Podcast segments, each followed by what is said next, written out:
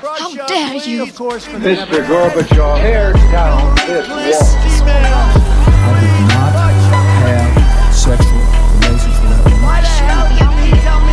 Read my lips. Hell yes, we're gonna take your AR-15. It's waking I have a dream. Thank you.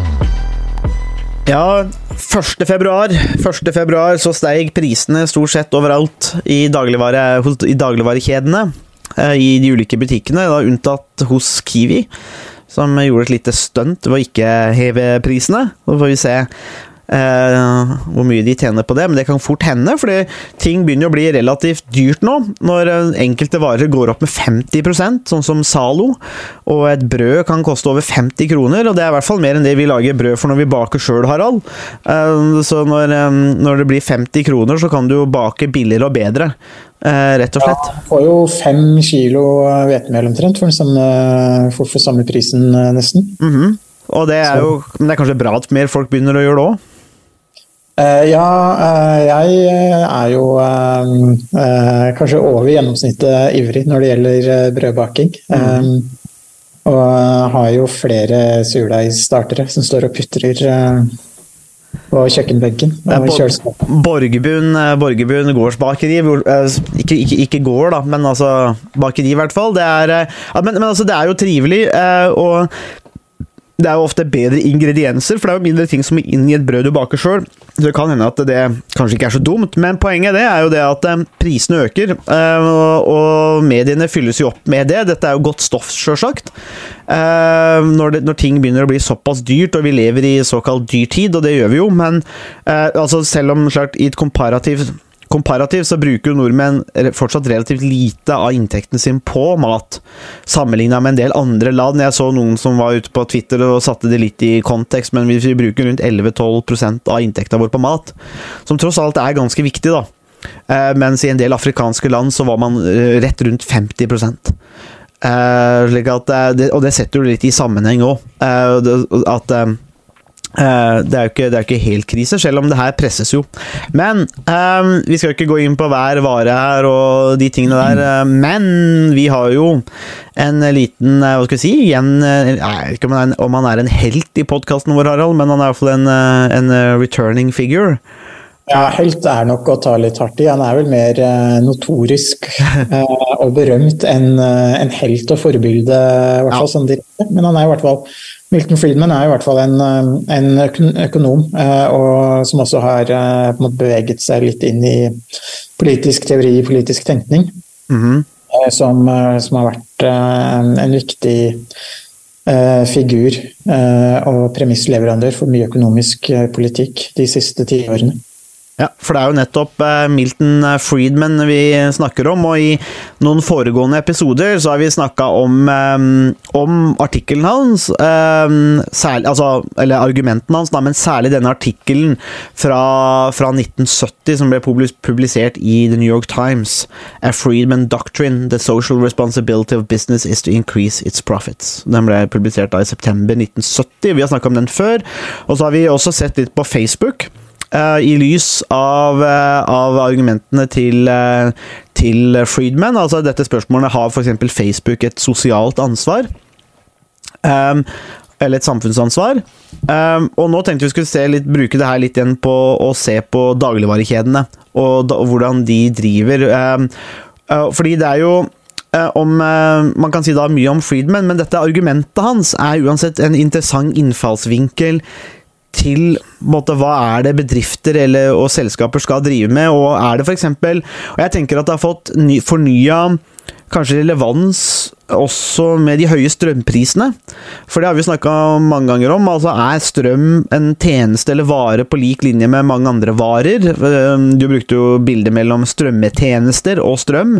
Og det er en interessant måte å se på. For at er de like, eller er de forskjellige, og skal de da på en måte underlegges de samme markedsmekanismene, eller skal de ikke det? Og der, der tenker jeg jo at det, det er jo der den store prinsipielle diskusjonen står, som jeg tenker vi jeg savner i norsk politikk, da.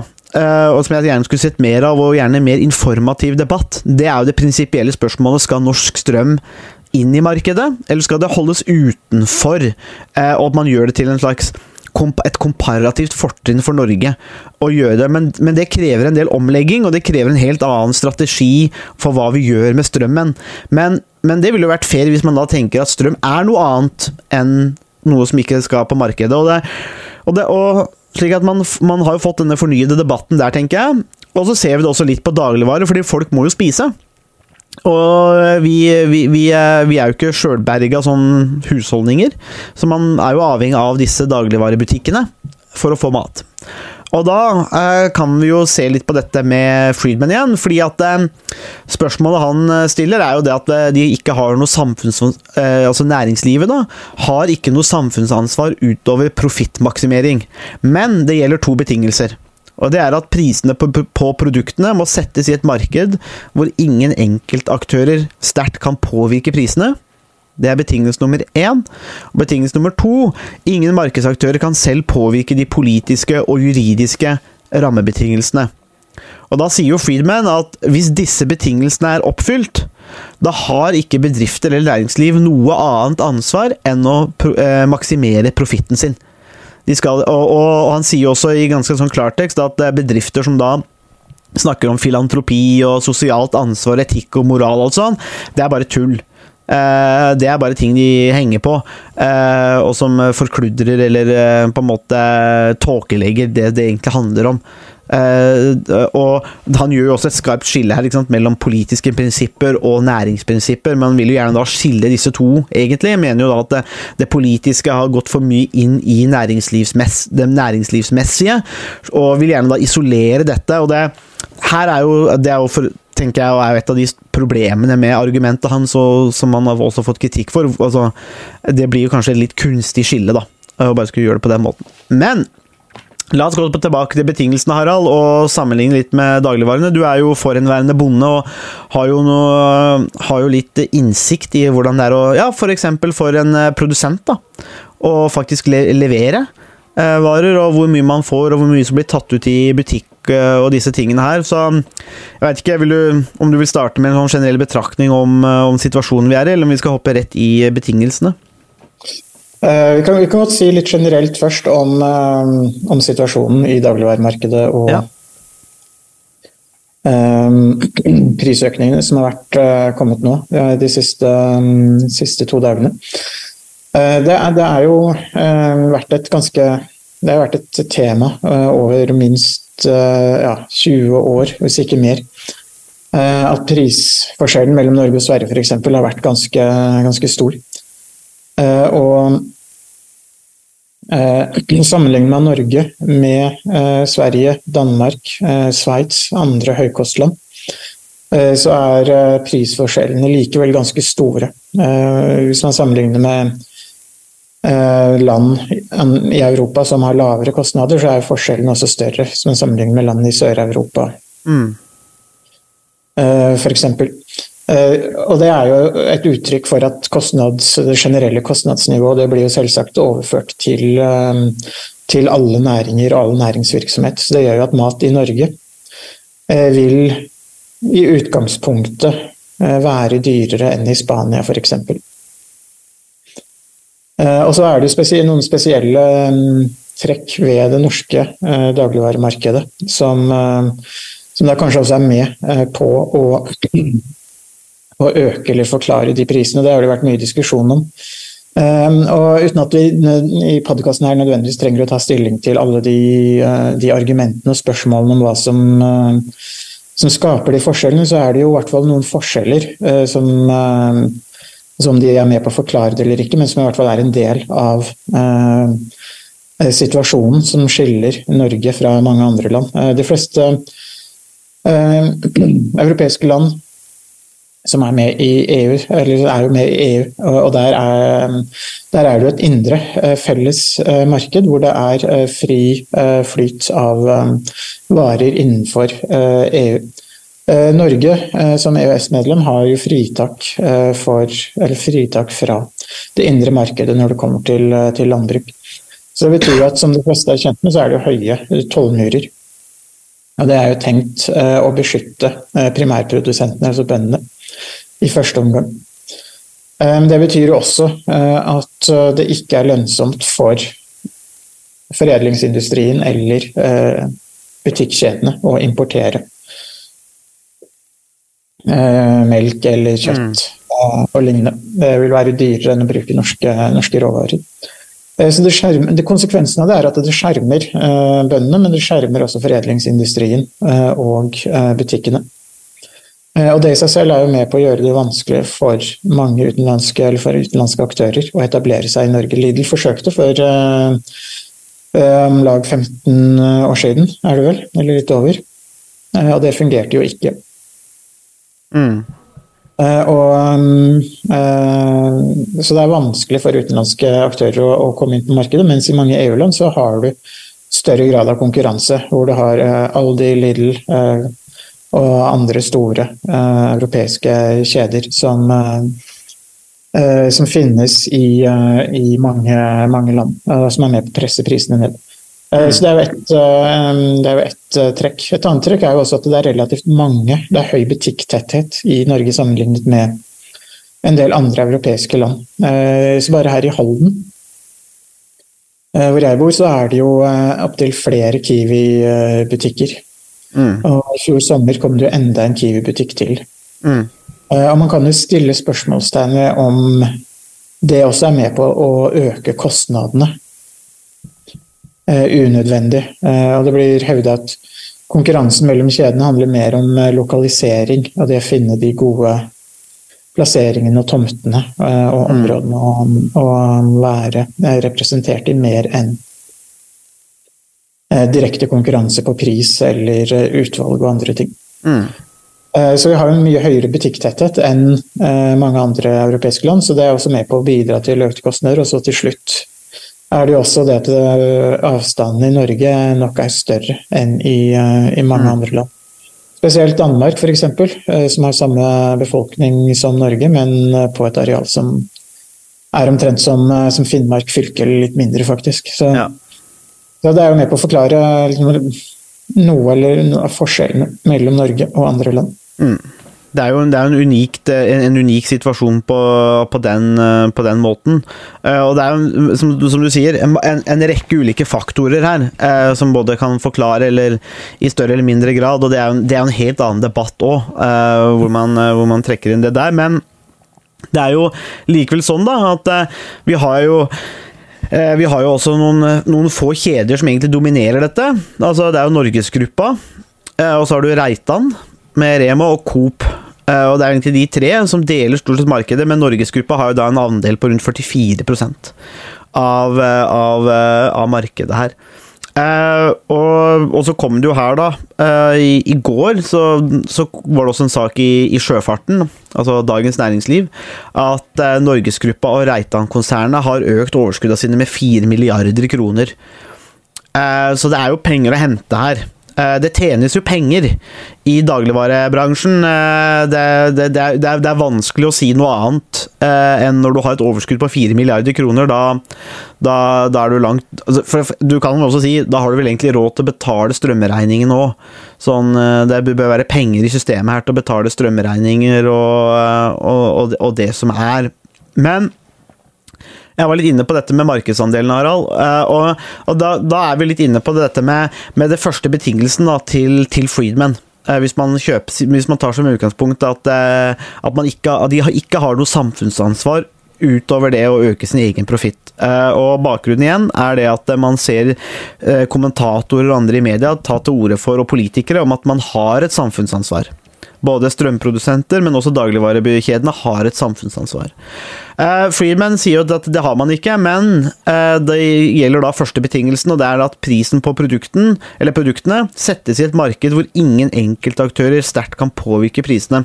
Uh, og det er jo interessant her, Harald, for det har vi jo en del eksempler på. og eh, Coop var jo raskt ute og reagerte på, eh, på Kiwi særlig, en del av Norgesgruppa.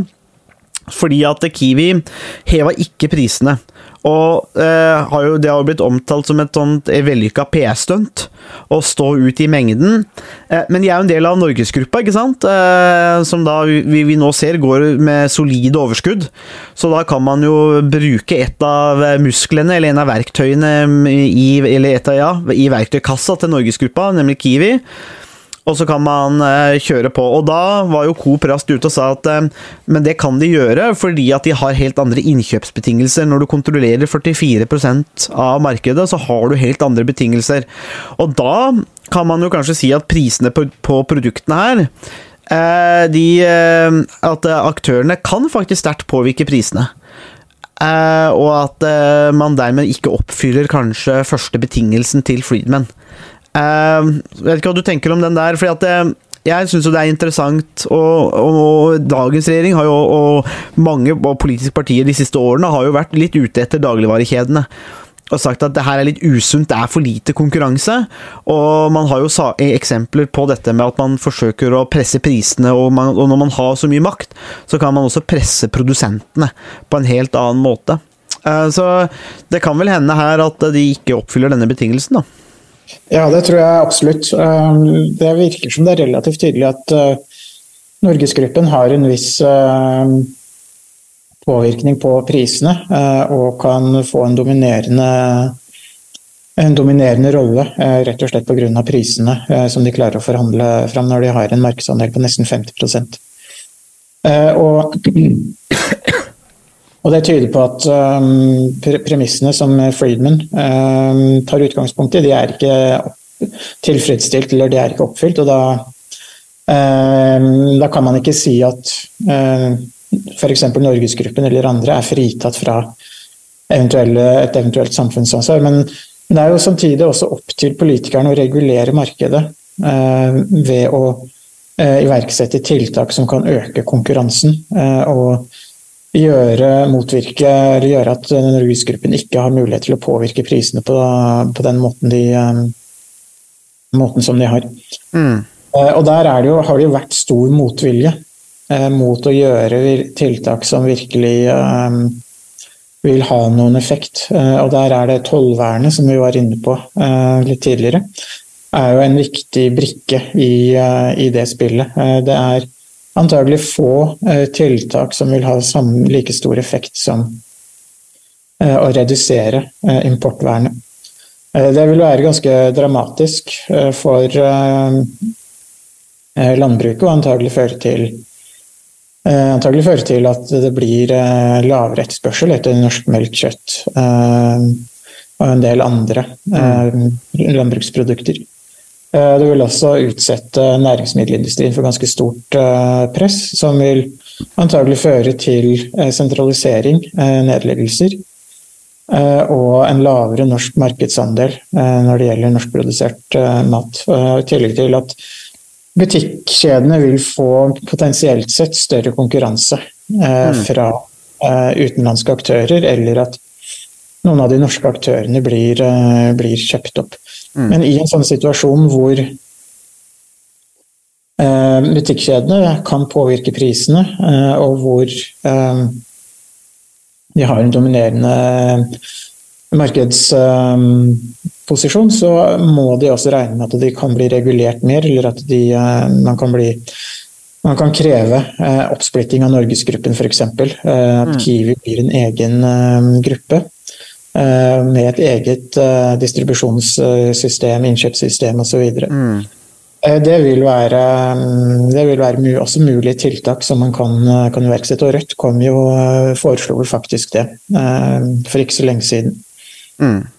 Eh, Og En sånn oppsplitting vil også kunne øke konkurransen eh, og redusere markedsdominansen til, eh, til Norgesgruppen. Ja, for det er, jo noe med at det er jo Hvis man eksempel, og det husker jeg i hvert fall da Kiwi kom, eh, og også kom ble veldig populær og sånn, eh, og så er det noe med at hvis du skal ha et, en, en dagligvarekjede, da, eller en butikk, da, Kiwi, og så skal du være en utfordrer og presse priser, og du skal, det er ikke måte på, så blir det jo litt hult og litt feil når du er en del av det største konsernet, for det er liksom sånn ja, du spiller jo egentlig med house money, da. Altså, du, du kan egentlig ikke tape, fordi at eh, det går inn i konsern, og da, da mister jo også den derre eh, Ja, altså hvis man snakker om eh, en Kiwi, da, for eksempel, som en eh, slags eh, aktør som kan forstyrre litt, og som kan eh, eh, Eller ja, presse de andre og, og bidra på den måten, det forsvinner jo når du er en del av den største aktøren.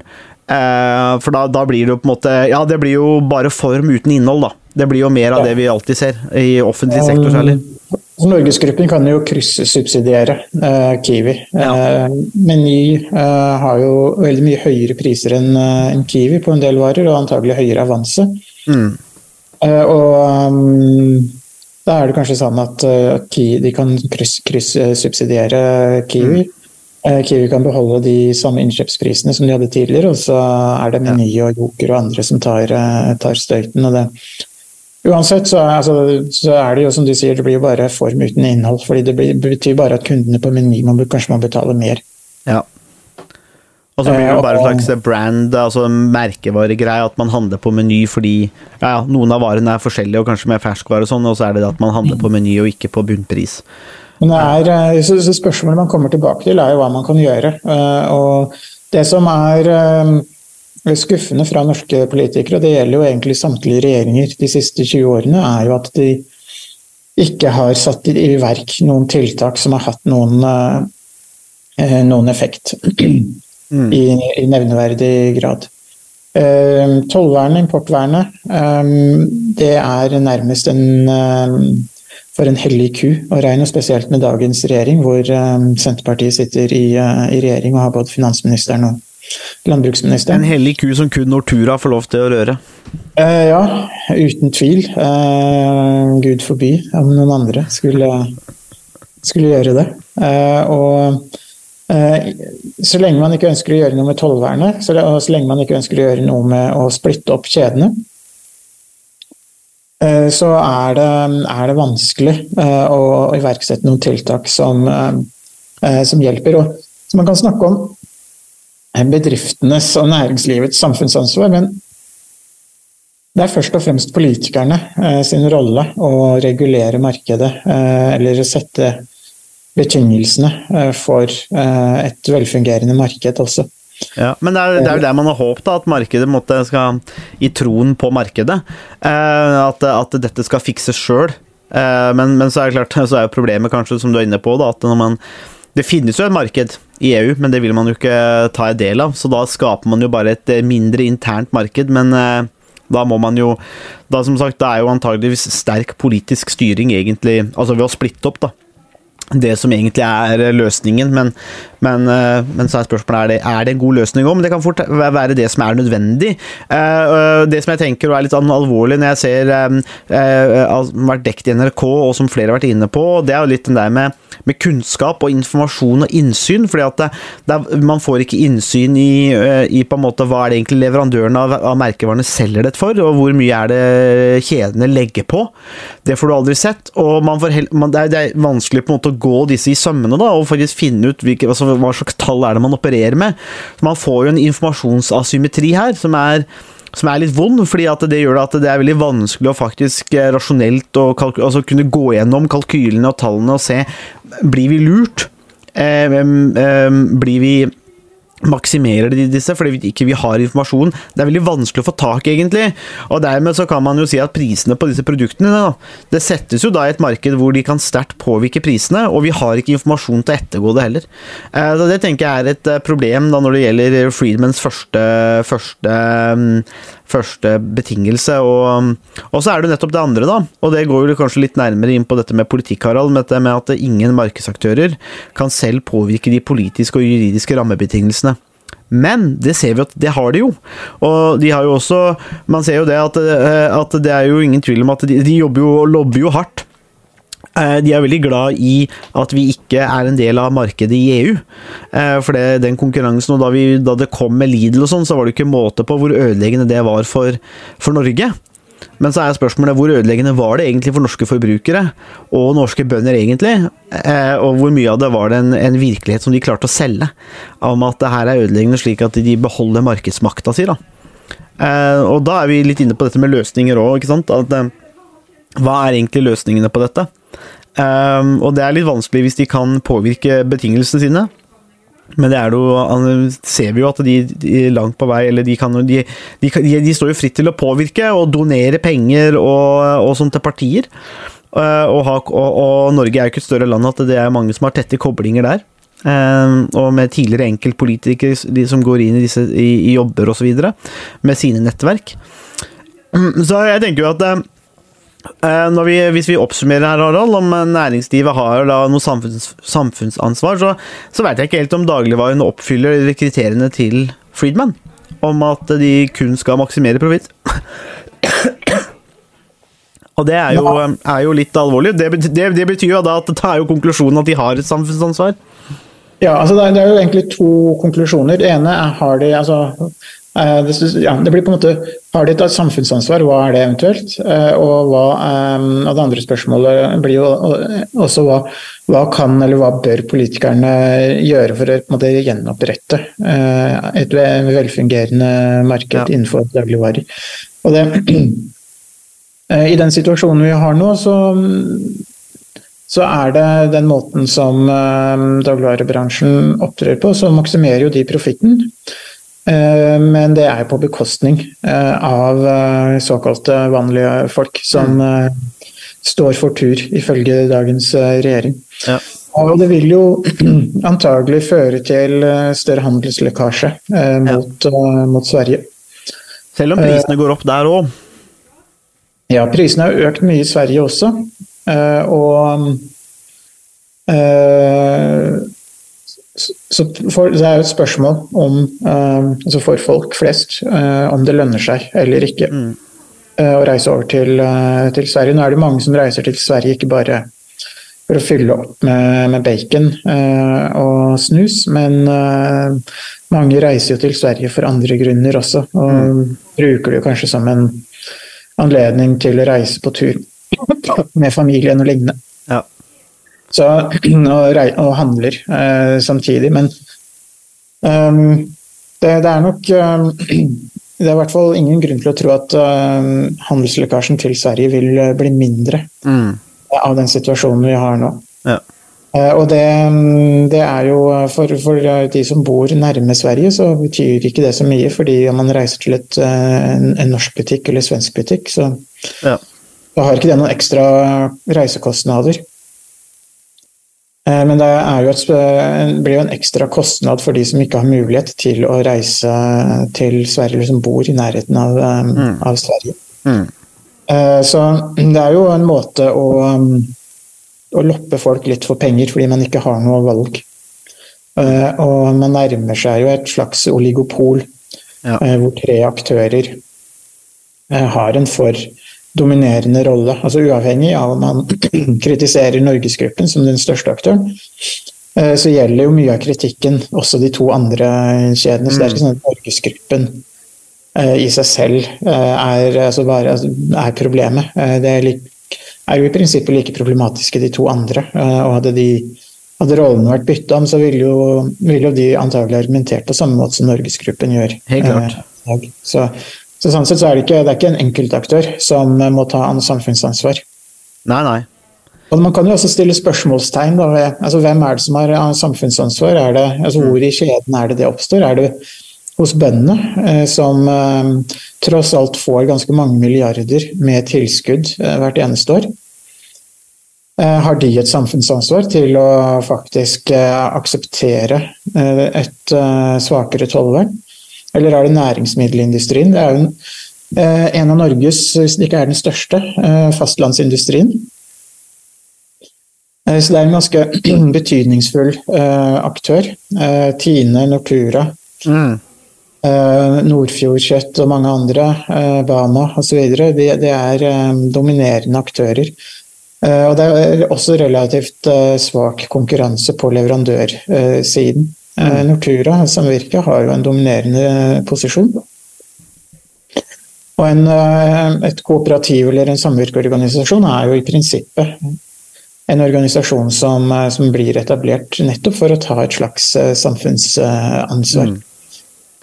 Og spørsmålet er jo om, det, om de tar det samfunnsansvaret, men der er det jo også kryssende hensyn. fordi Snakker man om samfunnsansvaret samvirket har overfor bøndene, så er jo det eh, mottaksplikt. At de skal hente melk og kjøtt eh, uansett hvor det er i, eh, i Norge. Det er med på å øke kostnadene. Fordi det gjør at man, eh, transportkostnadene blir høye, anleggskostnadene blir høye fordi man må ha anlegg eh, rundt i hele landet så lenge man har en landbruksproduksjon i hele landet. Mm. Eh, Så de tar jo et annet samfunnsansvar for å sikre bøndenes interesser, men man kan også si har de et samfunnsansvar overfor forbrukerne. Man hadde konsentrert eh, produksjonen i Norge til eh, det sentrale Østlandet, Jæren, Hedmarksområdet og um, Trondheimsfjorden, så ville man fått en mye mer effektiv produksjon. Man ville kanskje fått en noe lavere produksjon, men kostnadene ville blitt betydelig lavere. Man kunne hatt færre anlegg. Og da er jo spørsmålet hvem er det som man har et ansvar, et samfunnsansvar ovenfor? Og når det gjelder samvirke, så er det ikke helt opplagt. De skal først og fremst eh, sikre interessene til produsentene. Så kan man diskutere om det er en særinteresse, eller om de tar et samfunnsansvar når de er med på å opprettholde landbruket i, i hele landet. Så har man også til slutt eh, dagligvarekjedene, som også har et eh, samfunnsansvar, eh, kan man jo si. Men da er det spørsmål i hvilken grad eh, de kan ta et Så hvor stor handlefrihet de har, og hvem de eventuelt har et eh, samfunnsansvar ovenfor, i tillegg til, eh, til forbrukerne. Eh, så i den situasjonen vi er nå, så er det det er vanskelig å altså man kan, Det er lett å, å hoppe til den konklusjonen at noen her i den kjeden, verdikjeden har et samfunnsansvar, men hvem som har samfunnsansvar, og hva slags samfunnsansvar. Mm. De har, det er ikke nødvendigvis helt uh, opplagt. Eh, og da blir det jo også ofte en uh, kan det også, også ofte bli en, eh, en krangel mellom de ulike aktørene i eh, næringskjeden. Mm. Fra jord til, eh, til bord, som det heter. Eh, og eh, nå har jo eh, dagligvarekjedene på en måte blitt syndebukken. Eh, Og det er jo delvis med rette, men er, de er ikke den eneste aktøren i eh, det mm, økosystemet her mm. som eh, eventuelt også har et samfunnsansvar, eh, og som er med på å forklare eh, hvorfor prisene er, eh, er så høye som, eh, som det de er. Men politikerne kunne jo også gjort andre ting. De kunne jo, gjort, eh, de kunne jo gitt strømstøtte til næringslivet. Eh, De kunne også redusert eh, kostnadene til eh, diesel, som ville redusert transportkostnadene. Og Hadde politikerne gjort det, så ville det også vært vanskeligere å rettferdiggjøre de prisøkningene som har kommet. Men det er ikke noe tvil om at når, når dieselprisene ligger på 20 kroner per liter eller Ja. høyere, så er det nesten en dobling i forhold til kostnadene for et år eller to siden. Og og det har betydning eh, for eh, transportkostnadene, som er en viktig, viktig brikke i, eh, i det spillet her også. Og det samme med strøm. Og hadde strømprisene og strømstøtten blitt utvidet, så ville det også hatt betydning for man, hva man kunne gjøre i den situasjonen her. Så det er ikke urimelig at det kommer en viss kostnadsøkning, også fra dagligvarebutikkene, men omfanget av den kostnadsøkningen er jo kontroversiell. Og også når man i liten grad iverksetter tiltak som kan dempe eh, kostnadsveksten. Mm, ja, og hadde det vært eh, Hadde, hadde f.eks. disse kjedene gått mot null eller minus eller rett over, så hadde, måte, hadde kanskje for folk Jeg tror utad stilt seg annerledes, men hvis du går med milliarder i overskudd, så vil det være veldig vanskelig for de fleste å skjønne ok, men hvor er det det stopper her? Er det det at eh, er det sånn at de må, du må kunne ta ut en milliard i overskudd, eller utbytte, eh, for at det skal være et godt år, og dermed så må prisene opp? Ja, og Det kan være litt vanskelig for mange å på en måte akseptere òg, fordi og, en måte, hvorfor, hvorfor er det på en måte situasjonen? Eh, hvorfor er ikke på en måte et utbytte totalt sett på 500 millioner eller 100 millioner godt nok? Altså Er det, er det kun godt nok så at eh, Reitan må holde seg som milliardær, eller så er på en måte Rema feilslått? Eh, eller er det sånn at eh, Reitan kunne tjent eh, 10 millioner i året, f.eks., og, og, og Rema kunne hatt lavere priser, og folk hadde vært fornøyde? Altså Det er mange, Det er, men, men hvor ja, det er, det, er, det er vanskelig å si, ikke sant? fordi eh, og da i et, i et marked også, så kan man jo si det er sånn at eh, hvis det er noen av disse aktørene som velger å ha veldig høye priser for å maksimere utbytte og bli veldig rike, så kan jo forbrukerne straffe de ved å si at nei, men prisene deres er urimelige, derfor så handler vi ikke hos dere. Problemet i Norge er vel bare det at det er tre kjeder som kontrollerer alt, og dermed så har man jo ikke så veldig mye valgfrihet egentlig. Det blir jo litt sånn derre illusjon om valgfrihet. Og Det er jo kanskje det som er litt av problemet i Norge, og som jeg tenker sånn, når man ser på disse kjedene nå, For det er mange ulike merkevarer, men faran alt er jo produsert av noen eh, produsenter i Italia eller andre steder, og så blir de bare satt på ulike merkelapper, og så får man denne illusjonen om at nå kjøper vi forskjellige ting. Men du har jo egentlig ikke gjort det. Det er reell, det er jo ikke reell valgfrihet og reell eh, mangfold. Altså Mangfoldet er jo ikke reelt. Eh, og Dermed så, så, blir jo også forbrukerne lurt, men vi har jo heller ikke så fryktelig mye muligheter. Og noen av de mulighetene du var inne på det, en av mulighetene som eksisterer, er jo å reise til Sverige. Eh, og det blir jo da uglesett av dagligvarebransjen, og det er ikke måte på hvor negativt det er. Men eh, har, her kan det også hende at de har et ansvar for at folk også reiser til Sverige og handler, når de har prisene på det nivået og de velger å drive det på den måten, så vil jo også forbrukerne gå andre steder. og det ser man jo, Har man valgfrihet, så velger man jo det, det som er billigst for en. Uh, og, og, Da er vi kanskje tilbake til det politiske problemet i Norge òg, at vi har for lite konkurranse. Uh, og det kan man jo se på løsningen. Er det å bryte opp kjedene? Eller er det å øke og tillate å ha en fair konkurranse fra europeiske aktører? og Det kan jo være ulike måter å se det på. Men uh, det er uansett en interessant situasjon. Vi tenker vi har gått greit gjennom den her nå. Vi kan i hvert fall konkludere med at de, de, kanskje ikke oppfyller betingelsene til Friedman med sitt ansvar. Men som du har vært inne på, Harald, selv om vi når den konklusjonen, så åpner det bare opp en enda mer komplisert debatt om hva slags samfunnsansvar og til hvem. Og, så da har man jo en, en solid jobb for, foran seg der òg. Så det er ingen, ingen, klare løsninger. Sorry, folkens, dere hører på en akademisk podkast, så da, da, da, kommer det ingen lette løsninger.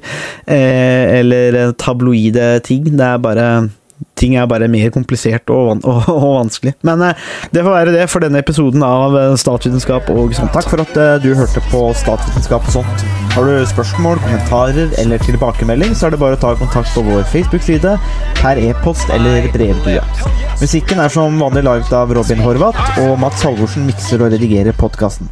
Vi høres!